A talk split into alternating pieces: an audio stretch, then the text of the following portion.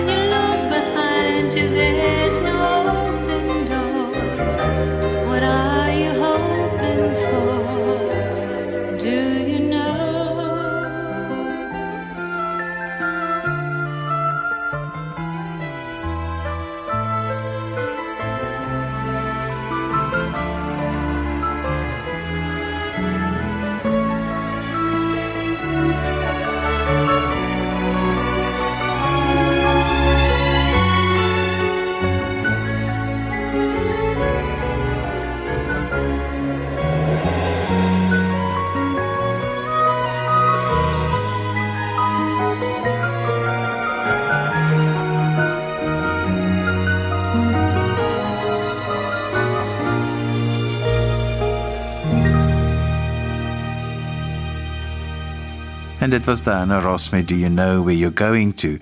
Ignatius, dit bly maar moeilik om jou eie besluite te verstaan en jy sê mens moet na jou eie gedragspatrone kyk as jy dit wil verstaan. Om besluite te verstaan, moet ons 'n bietjie kyk na gedragspatrone want op die ou end besluit 'n mens gewoonlik oor dinge wat jy moet doen. En ons almal word gebore met 'n ingeprente idee van hoe ons in die omgewing optree en funksioneer. En dit is baie interessant dat selfs kinders, selfs babas, weet hierdie verstaan. So dit is iets wat in ons ingebore is. Want kyk, onthou, ons word nie gebore met 'n leë lei in ons kop met ander woorde 'n skoon bladsy waarop alles geskryf is nie of geskryf moet word nie. Ons word gebore met 'n klomp vaardighede wat daar reeds is en een daarvan is dat ons gedragspatrone verstaan. In enige gedragspatroon is daar 6 aspekte. Die eerste is daar is 'n handelende persoon. Mens kan dit 'n akteur noem. Iemand wat met ander woorde iets doen. Dan is daar 'n handeling Met ander woorde dit wat gedoen word. Die derde aspek is daar is iemand of iets waarop hierdie handeling gemik is. In die wetenskaplike terme praat hulle gewoonlik daarvan as die pasiënt, nou nie 'n siek mens nie, maar die persoon aan wie dit gedoen word. En dit kan 'n mens wees of dit kan 'n objek wees. Die vierde aspek van hierdie gedragspatroon is iets waarmee die handeling uitgevoer word, naamlik 'n instrument. Die vyfde aspek is daar is 'n omgewing waarbinne die handeling uitgevoer word. 'n Konteks kan 'n mens dit noem. En dan die laaste of en sesde aspek van 'n handelings of 'n gedragspatroon is die resultaat van die handeling. Met ander woorde, die gevolg.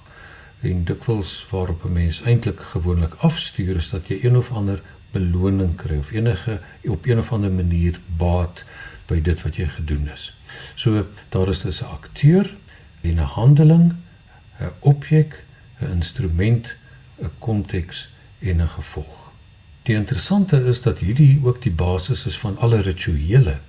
Maar dit is 'n baie interessante onderwerp wat ons 'n volgende keer oor kan praat want rituele is eintlik so deel van mens se menswees.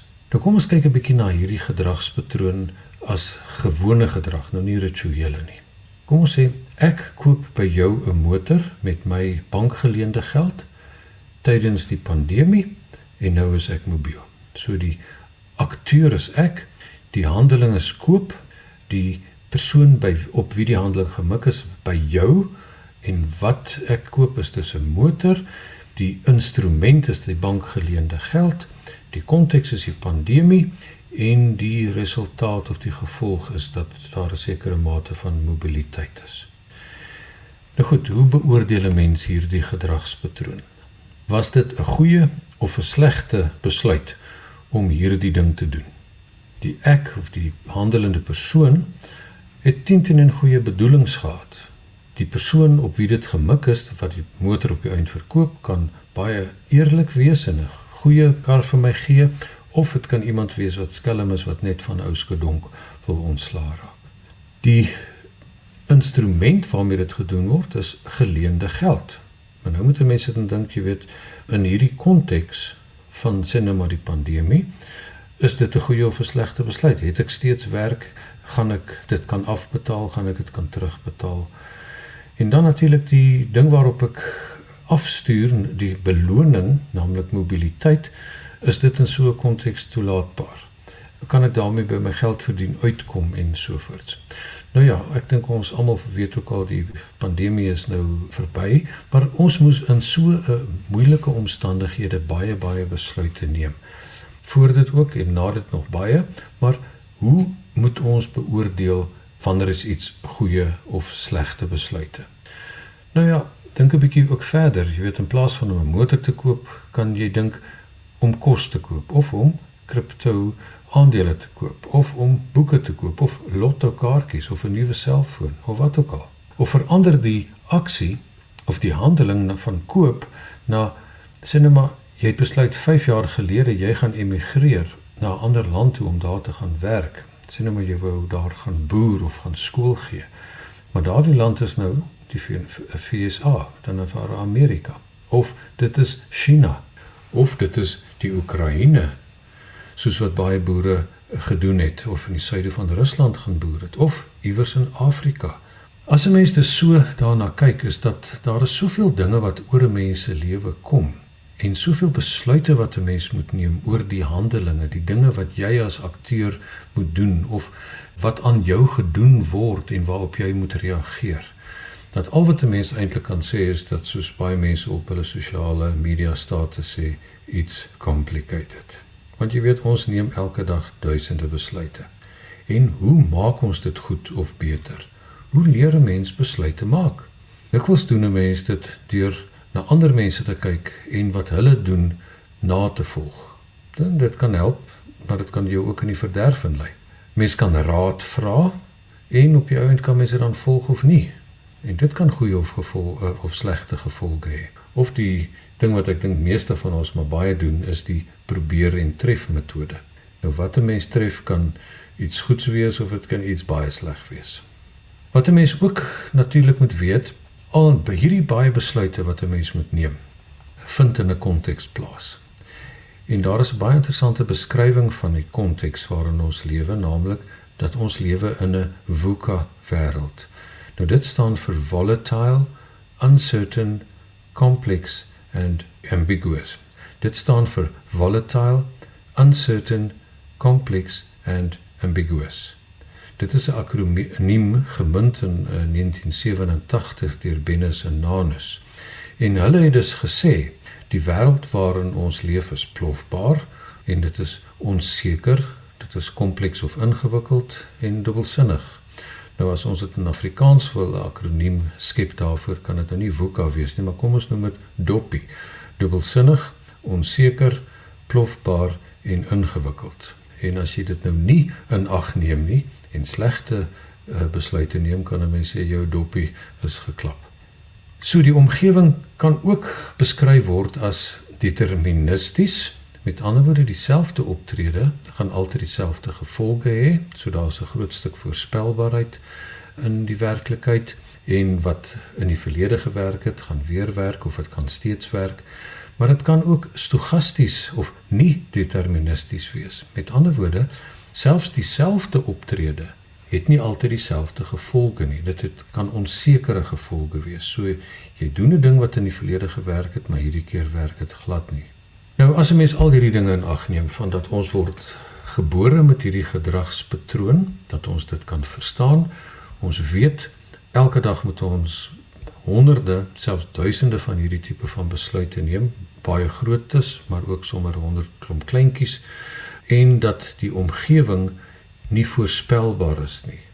Dan beteken dit ons moet sê net maar goed, wat maak ek? Nou die interessante is daar is 'n model wat hierin aandag gee. Nou dit kom eintlik uit 'n wisselwerking van masjienleer en menslike gedrag. Maar as 'n mens masjiene wil leer op grond van hoe menslike gedrag funksioneer, beteken dit ons kan baie leer van hoe menslike gedrag uh, werk en dan op die ouend kyk of 'n mens kan doen om uh, leer om goeie besluite te neem want jy weet as 'n mens vir 'n masjien wil leer om goeie besluite te neem moet jy baie mooi weet wat is 'n goeie besluit en wat is 'n slegte besluit en hoe moet 'n mens al hierdie kompleksiteite in ag neem nou hierdie model wat hier in aandag gee word genoem die modelbegeleide en modelvrye leer van gedrag. Nou die navorsing hieroor toe ek die eerste keer aan daaraan blootgestel is, het ek dit op die oor af verkeerd verstaan. Ek het gedink modelbegeleide gedrag is so bietjie soos 'n keurslyf. Jy weet en dit is met ander woorde iets wat 'n mens moet vermy. Dit is beperkend want jy weet dit sit jou in 'n model in dit verf jou eintlik daarin vas en aan die ander kant is modelvrye optrede kreatiwiteit. Maar dit is baie meer as dit. Dit is meer kompleks ook as wat die terme op die oog en op die oor af klink en lyk. 'n Model in hierdie situasie of in hierdie navorsing verwys na enige struktuur wat ons gebruik om bruikbare voorspellings of predictions van die uitkoms van wat jy doen te maak. So dit is 'n tipe van 'n samevatting van 'n klomp dinge, 'n struktuur wat dinge in ag neem en met mekaar in verband stel en as jy dus dan 'n sekere ding daarin sit, naamlik is gedrag, dan kom dit aan die ander kant uit redelik voorspelbaar of dit gee vir jou 'n idee van wat die uitkoms gaan wees van wat jy doen. 'n Modelbegeleide gedrag maak dus spesifiek gebruik van 'n beskouing of 'n algoritme as dit nou meer 'n masjien is of met ander woorde 'n stel reëls om te beraam wat die gevolg van die optrede gaan wees. Met ander woorde, wat die kans is of dit wat jy doen die gewenste positiewe gevolge gaan hê en of jy dus die beloning wat jy wil hê gaan kry. Dit neem dus die dinamiek van die konteks en die situasie in ag. Met ander woorde, jy moet met ander woorde gaan kyk, ek wil hierdie ding doen. Dit is die manier wat ek gaan doen en volgens alles wat jy in ag neem en hierdie model gee dus vir mense gestruktureerde manier om te kyk na al die dinge wat jy in ag moet neem, is die kans dat dit 'n goeie gevolg gaan hê redelik goed. Modelbegeleide gedrag is dus eintlik dinge wat in die verlede al gewerk het, wat getoets is en daarom is dit met ander woorde al die dinge wat getoets is en al die aspekte is in hierdie model verpak en omdat dit op die ou end gewys het dat dit werk, word dit dus gewoonte gedrag. Mense het gesien dit werk. Mense het gesien dit werk keer op keer en daarom hou mense aan daarmee. En dit is eintlik 'n produksiemodel. Jy weet jy gaan nie as jy 'n motor bou elke keer die elke een wat jy dan nie daarin druk in die begin van die proses nou dink ook nou gaan ek nou hierdie keer eers dit en dan dat en volgende keer eers dat en dan dit doen nie. Daar is 'n sekere patroon wat 'n mens gesien een na die ander doen die mense dinge en dit het elke keer die gewenste uitwerking en 'n mens torring nie aan 'n wenresep nie. Dit is effektief, dit is vinnig, dit spaar tyd en die mens hoef nie die wiel elke keer van voor af uit te vind nie. Dit het wel die gevaar van stagnasie. Want as die model en die gedrag dieselfde bly, maar die konteks verander, gaan dit nog steeds so werk? Nou dit is waar 'n mens moet dink byvoorbeeld aan politieke stelsels. Jy weet wat eens op 'n tyd gewerk het, gaan nie noodwendig vir altyd werk nie. Daar's baie mense wat vandag nog steeds terughunker na tye toe dinge so was of sus was en dan dink hulle maar goed, alles sou goed gewees het as dit steeds so gebly het. Of mense dit kan dink iets wat 100 jaar gelede in die ekonomie gewerk het, dit gaan nog steeds vandag doen en net so werk in die besigheidsmodelle. Maar ons het nou almal gesien dinge verander en kyk byvoorbeeld wat het met besigheid gebeur in hierdie pandemie tyd. So business as usual is glad nie meer toepaslik nie en dit het nie meer die gewenste uitwerking nie. En dit wys mens dus op die noodsaak van 'n modelvrye gedrag. 'n Modelvrye gedrag is ten diepste doelgerigte gedrag. 'n Mens wil iewers kom, jy wil iets bereik, maar 'n mens weet nie presies hoe nie. Hier is jy nou gekonfronteer met 'n situasie wat jy nog nooit voorheen gekonfronteer mee was nie en die dinge as jy dit iets doen wat jy in die verlede gedoen het, werk dit eenvoudig net nie. En daarom moet 'n mens dus kyk wat kan 'n mens anders doen? Maar 'n mens het geen idee wat die gevolg daarvan gaan wees nie. So jy probeer dit dus uit en as dit werk, kan dit die begin wees van 'n nuwe model. Maar indien nie, moet 'n mens weet mens moet selfs dit weer verander. So modelvrye gedrag beoordeel dus die waarde van die optrede op grond van vorige ervaring wat daarmee opgedoen is, maar jy kyk wat die nuwe uitkomste is. En die voordele daarvan is dus so vind vooruitgang plaas. Deur eksperimentering sien 'n mens maar die ou manier van doen kan dalk nog werk, maar dit werk nie meer so goed nie. Hier is iets om iets baie beter te doen maar daar's ook 'n gevaar dat 'n mens dus in die proses eintlik 'n hele klomp skade kan lei en skade kan doen. So wat moet 'n mens dus op die ouend doen? Moet 'n mens besluit as jy self besluite neem en self met die werklikheid gekonfronteer is, moet 'n mens modelvry wees of moet jy model begeleid wees? En op die ouend is die saak is jy moet albei doen. Elkeen het sy plek en elkeen het sy tyd en 'n mens moet op die ouend weet wanneer moet jy aanhou met wat jy gedoen het en wanneer moet jy iets nuut doen wat jy nog nooit gedoen het nie.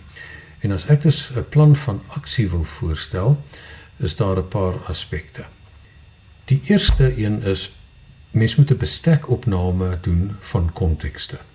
Met ander woorde, jy moet kyk in watter kontekste of omgewings funksioneer jy daagliks wat belangrike besluite verg.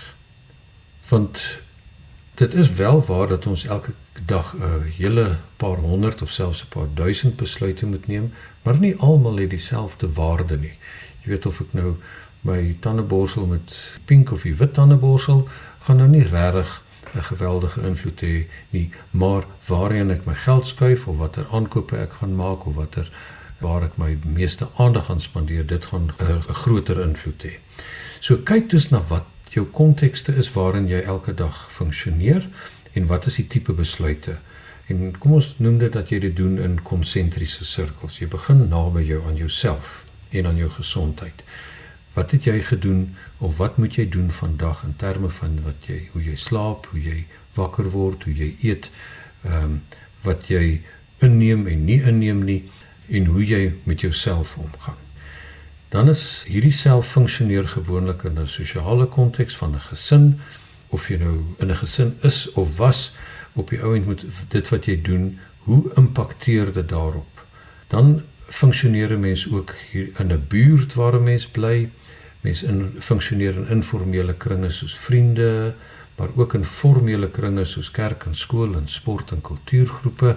Dan funksioneer mense in die land en in die wêreld en mense funksioneer ook in kontekste soos werk en finansies. En nou moet 'n mens kyk, in elkeen van hierdie dinge moet 'n mens besluite neem.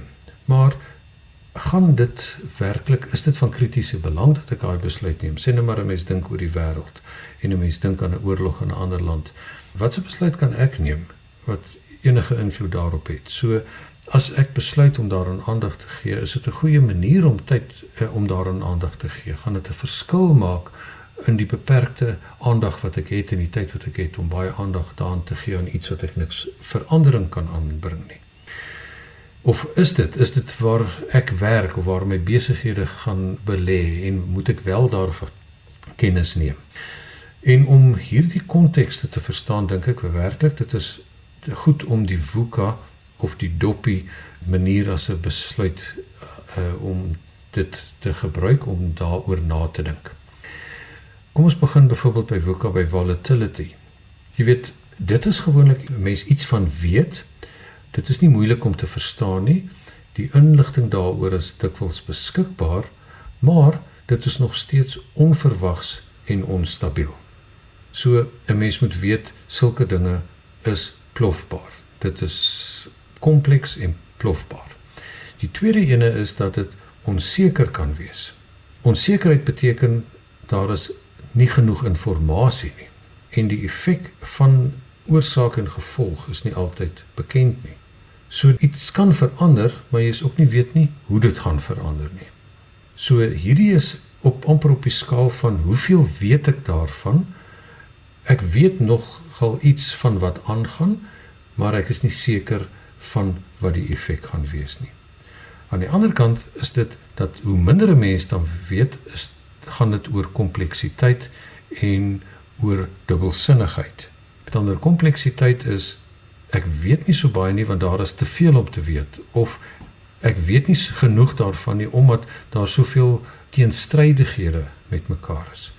So dit is een manier hoe mense na die situasie kyk. Hoe weet ek? Weet ek min of weet ek baie daarvan? Maar op die ander as kan 'n mens amper sê, hoe kan 'n mens die gevolge van jou optrede voorspel? Met ander woorde, as dit 'n ding dubbelsinnig is of as dit onseker is, dan kan ek minder weet of hoe dit gaan uitspel as wanneer dit kompleks en plofbaar is. So gaan kyk na die werklikheid en kyk wat is plofbaar, wat is onseker, wat is kompleks, wat is dubbelsinnig. En dan kan 'n mens sê nou maar goed as dit plofbaar is, dan beteken dit 'n mens moet weet ek moet op die ouend stadiger gaan om te sien eers na watter kant toe die dinge uitval. As dit gaan oor onsekerheid, beteken dit ek moet meer inligting kry. As dit oor dubbelsinnigheid gaan, beteken dit ek moet meer oorwegend wees en as dit oor kompleksiteit gaan, dan moet 'n mens sê, goed, hoe kan ek met ander woorde dinge bymekaar sit en hoe kan ek die kompleksiteit verminder deur verbande te lê. So 'n Bestekopname van konteks is geweldig belangrik wanneer jy oor besluite neem. So waar is jy self in die gesin, is jy in die werk, waaroor moet jy besluit neem en hoe lyk die situasie van waarin jy jou besluite moet neem? Die tweede ding wat 'n mens moet doen is mens moet 'n bestekopname van jou besluite neem. Mens moet daarvoor gaan terugkyk na die verlede. Hoe het jy gevaar in elkeen van hierdie kontekste? Waar het die dinge goed geloop en verloop en waar het dit op die ou end minder goed of selfs sleg verloop? En dan moet 'n mens gaan besluit as ek na my besluite kyk, hoekom het dit nie goed gegaan nie? En dan moet 'n mens ook in hierdie bestekopname van besluite kyk op die derde manier wat werk. Wat het gewerk en wat was goed? En dit kan 'n mens dus sê goed, hierdie dinge is modelle wat uitgewys het dat hulle die konteks aanspreek dat al het, al die kompleksiteite en die dinge wat 'n mens eh, wat dit gewoonlik moeilik maak soos onsekerheid en dubbelsinnigheid en plofbaarheid en ingewikkeldheid dat dit dit wel aanspreek en op die ou en dan het 'n mens model begeleide optrede waar wat 'n mens mee kan aangaan altyd met die gedagte dat dit kan op 'n tydstip kom dat dit nie meer toepaslik is nie dat 'n mens wel jou of se waar moet inruil maar vir 'n Tesla. Die vierde ding wat 'n mens moet doen, mens moet kyk wat werk nie. Waar het die dinge verkeerd geloop? En dan moet 'n mens kyk hoekom is dit so? Was dit 'n gebrek aan kennis? Was dit verkeerde gebruik van bestaande kennis? Was dit die verkeerde gebruik van ontoepaslike modelle? En interessant, daar is ook twee strategieë wat nogal redelik bekend is wat ook soos VUCA 'n uh, akroniem is en die een is jou OODA loop en die ander is jou PDCA. Nou OODA staan vir Observe, Orient, Decide in Act en dit is deur ene John Boyd ontwikkel. En waar hy dus sê jy moet eerstens observe. Jy moet as jy gaan kyk na 'n nuwe situasie wat jy nie 'n model het wat vanuit die verlede wat jy gereedelik of gemaklik kan eenvoudig vat en hier toepas en dan gaan alles werk nie waar jy nou 'n nuwe model moet uitwerk. Moet jy nie net sommer die probeer en tref metode doen waar jy die eerste die beste ding vat en storm en instorm en dan dalk aan jouself en aan ander mense of aan die omgewing 'n groot klomp skade aanrig nie. Mens moet stadig in so 'n situasie inbeweeg. Deur eerste observe, eers te kyk. En daarop moet 'n mens kyk na wat is die omstandighede, hoe ontvou dit in die omstandighede. Wat is inligting wat 'n mens van die buitekant af kry wat vir jou kan help om hierdie situasie, hierdie nuwe omstandigheid, hierdie nuwe ding wat jy moet aanspreek, wat dit vir jou kan helderder maak. Wat is die interaksie hiervan met omgewings? En wat kan 'n mens gebruik om jou te help en te begelei in so 'n omstandigheid. So daar is 'n groot stuk baie fyn en fyn fyn fyn kyk na wat aangaan wanneer 'n mens in so 'n situasie inkyk. En dit is die observe. En dan is daar natuurlik wat jy jouself moet oriënteer waar jy sê nou maar goed, waar kom hierdie goeders vandaan? Wat is die kulturele omgewing waarbinne dit beweeg? Weet, wat sit binne my wat vir my raak? So jy het 'n klomp dinge wat jy in verband moet bring om te sê kom ek verstaan die situasie en ek kyk wat is die invloed die wederwysige invloed van al die dinge wat 'n rol speel wat ek moet verstaan. En dan sê jy nou maar goed nou dat ek die gekyk het nou dat ek die aspekte wat 'n rol speel verstaan, nou moet ek 'n besluit neem vir die OODA. Ek het nou net die observe and orient gedoen, nou moet ek by decide kom. En dit is wanneer 'n mens besluit nou goed, ek dink in die lig van dit wat ek weet, gaan ek op die ouend hierdie ding doen. So jy het 'n amper hipotese dat as ek hierdie besluit neem, hierdie aksie, hierdie gedrag uh, na vore bring, dan vermoed ek dit gaan die gevolg wat ek in gedagte het, gaan dit na vore bring. En dan op die ouend as jy besluit het op 'n uh, aksie en op 'n hipotese, dan moet jy dit gaan doen. En wanneer jy dit dan doen, dan kan jy nou sien maar joh, dit werk eintlik bo verwagting goed of jy kan sê hierdie was regtig het dit dit het nie gewerk nie. En dan moet jy nou weer teruggaan omdat dit 'n OODA loop is. dan beteken dit jy terugvoer en jy gaan terug en kyk nou maar goed, hoekom het dit nie gewerk nie? Uh wat is die dinge wat ek nie in ag geneem het nie? Wat het ek uh misgekyk?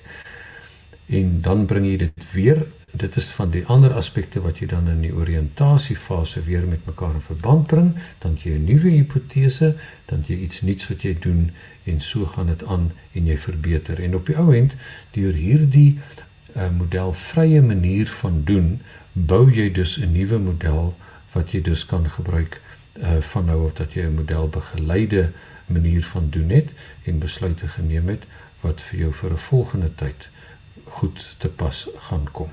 Iets wat soortgelyk is wat 'n mens ook kan gebruik is wat hulle noem PDCA, plan, do, check en act. En dit is iets wat amper soos 'n spiraal voorgaan. Jy beplan wat gaan ek doen? En waarin is 'n mens op pad? Want onthou die hele ding van 'n modelvrye manier van doen en besluitneming gaan daaroor dat 'n mens moet kyk na die toekoms, dat 'n mens gaan kyk na doelgerigtheid waarheen jy op pad is waar uh, die modelbegeleide ene is amper meer na gewoontes en na die verlede kyk.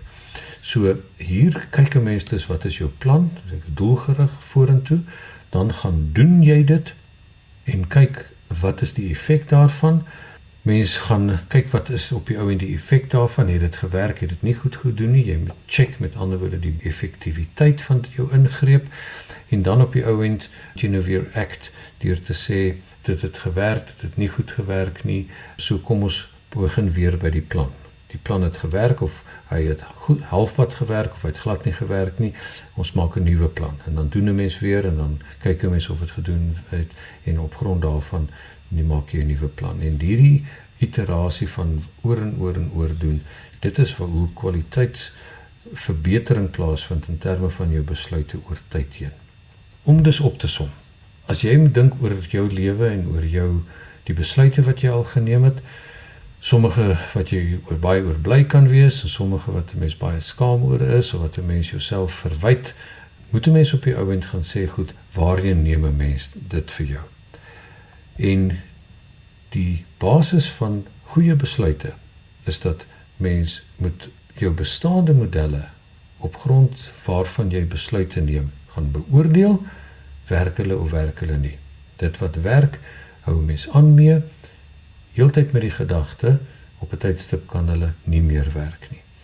En dan moet 'n mens ook weer daar gaan tye kom wat jy nuwe modelle moet bou en daar is 'n manier om hierdie modelle te bou sonder dat dit net 'n lukrake keuse is van ou modelle of 'n samevlansing, maar dat dit op die ou end die skepping is van 'n goeie geïntegreerde nuwe manier van doen wat al die kompleksiteite van die werklikheid en van jouself en jou vermoëns en die dinge wat rondom jou aangaan in ag neem.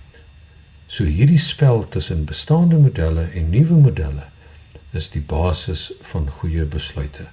En ek hoop van nou af is my en jou besluite iets wat 'n mens nogal oorbly kan wees.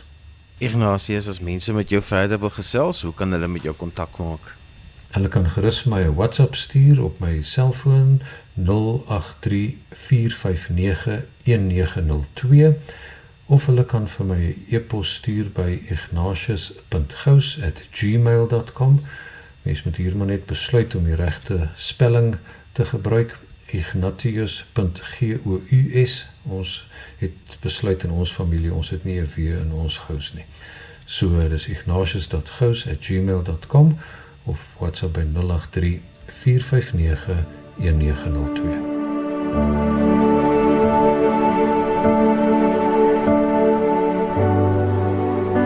Maar kom ons sluit vanaand se program af deur 'n paar wenke te gee oor hoe 'n mens beter besluite kan neem. Hierdie wenke is bymekaar gestel deur die joernalis Essie Bester Mense stel belangrike besluite dikwels uit omdat hulle elke moontlike stukkie inligting eers wil bespreek, ontleed en herkou om seker te maak hulle doen die regte ding. Maar besluiteloosheid kan jou baie keer duur te staan kom. Daar kan enorme geleentheidskoste daarin verbonde wees om te wag omdat jy wil seker maak dat jy alles in ag geneem het. In 'n besigheid kan jou mededingers dan die mark eers te bereik en dalk verower met 'n soortgelyke selfs minderwaardige produk. 'n Aarzeling kan ook jou eie reputasie kos en besluiteloosheid bevorder nie vertroue in jou vermoëns nie. Mense wat saam met jou werk wil graag sien dat jy goeie besluite kan maak. Maar hoe neem 'n mens dan nou effektiewe besluite? Stel 'n streng spertyd. Om te wag totdat jy eers al die inligting het voordat jy 'n besluit neem, kan tot eindelose vertragings lei. Stel liewer 'n realistiese spertyd waarin jy jou besluit moet neem, maar maak seker dat jy die slegste moontlike gevolge van die besluit in ag neem en leef met die uitkoms van jou besluit. Vergeet van jou strewe na die perfekte besluit. Maak vrede daarmee dat jou besluit slegs op al die bekendste faktore kan rus en dat jy nie vir alle gebeurlikhede voorsiening kan maak nie. Wees ontvanklik om jou plan aan te pas soos nuwe omstandighede na vore kom, maar druk deur sodra jy 'n ingeligte besluit geneem het. En dan is dit ook belangrik om oorontleding te vermy. Te veel inligting kan jou oordeel vertroebel en verwarring veroorsaak. So wees baie duidelik oor wat jy wil bereik met jou besluit en fokus slegs op tersaaklike inligting wat jou daarmee kan help. Jonathan Hoch, die stigter en uitvoerende afrigter by Hawk Partners in Johannesburg, raai ons aan om vir komplekse besluite met onbekende uitkomste ons instinkte te volg. Die brein se vinnige intuïtiewe onderbewussyn werk beter as koue rasionele denke. Die brein kan oneindige patrone van die verlede onmiddellik verwerk en vergelyk en ten einde voorspellings oor die toekoms maak. Plaas dus die vertroue in jou eie ervaring en jou vermoë. Vir eenvoudige maar belangrike besluite moet jy egter jou eie kop volg. Gebruik koue, stadige, rasionele denke, bereken en maak seker.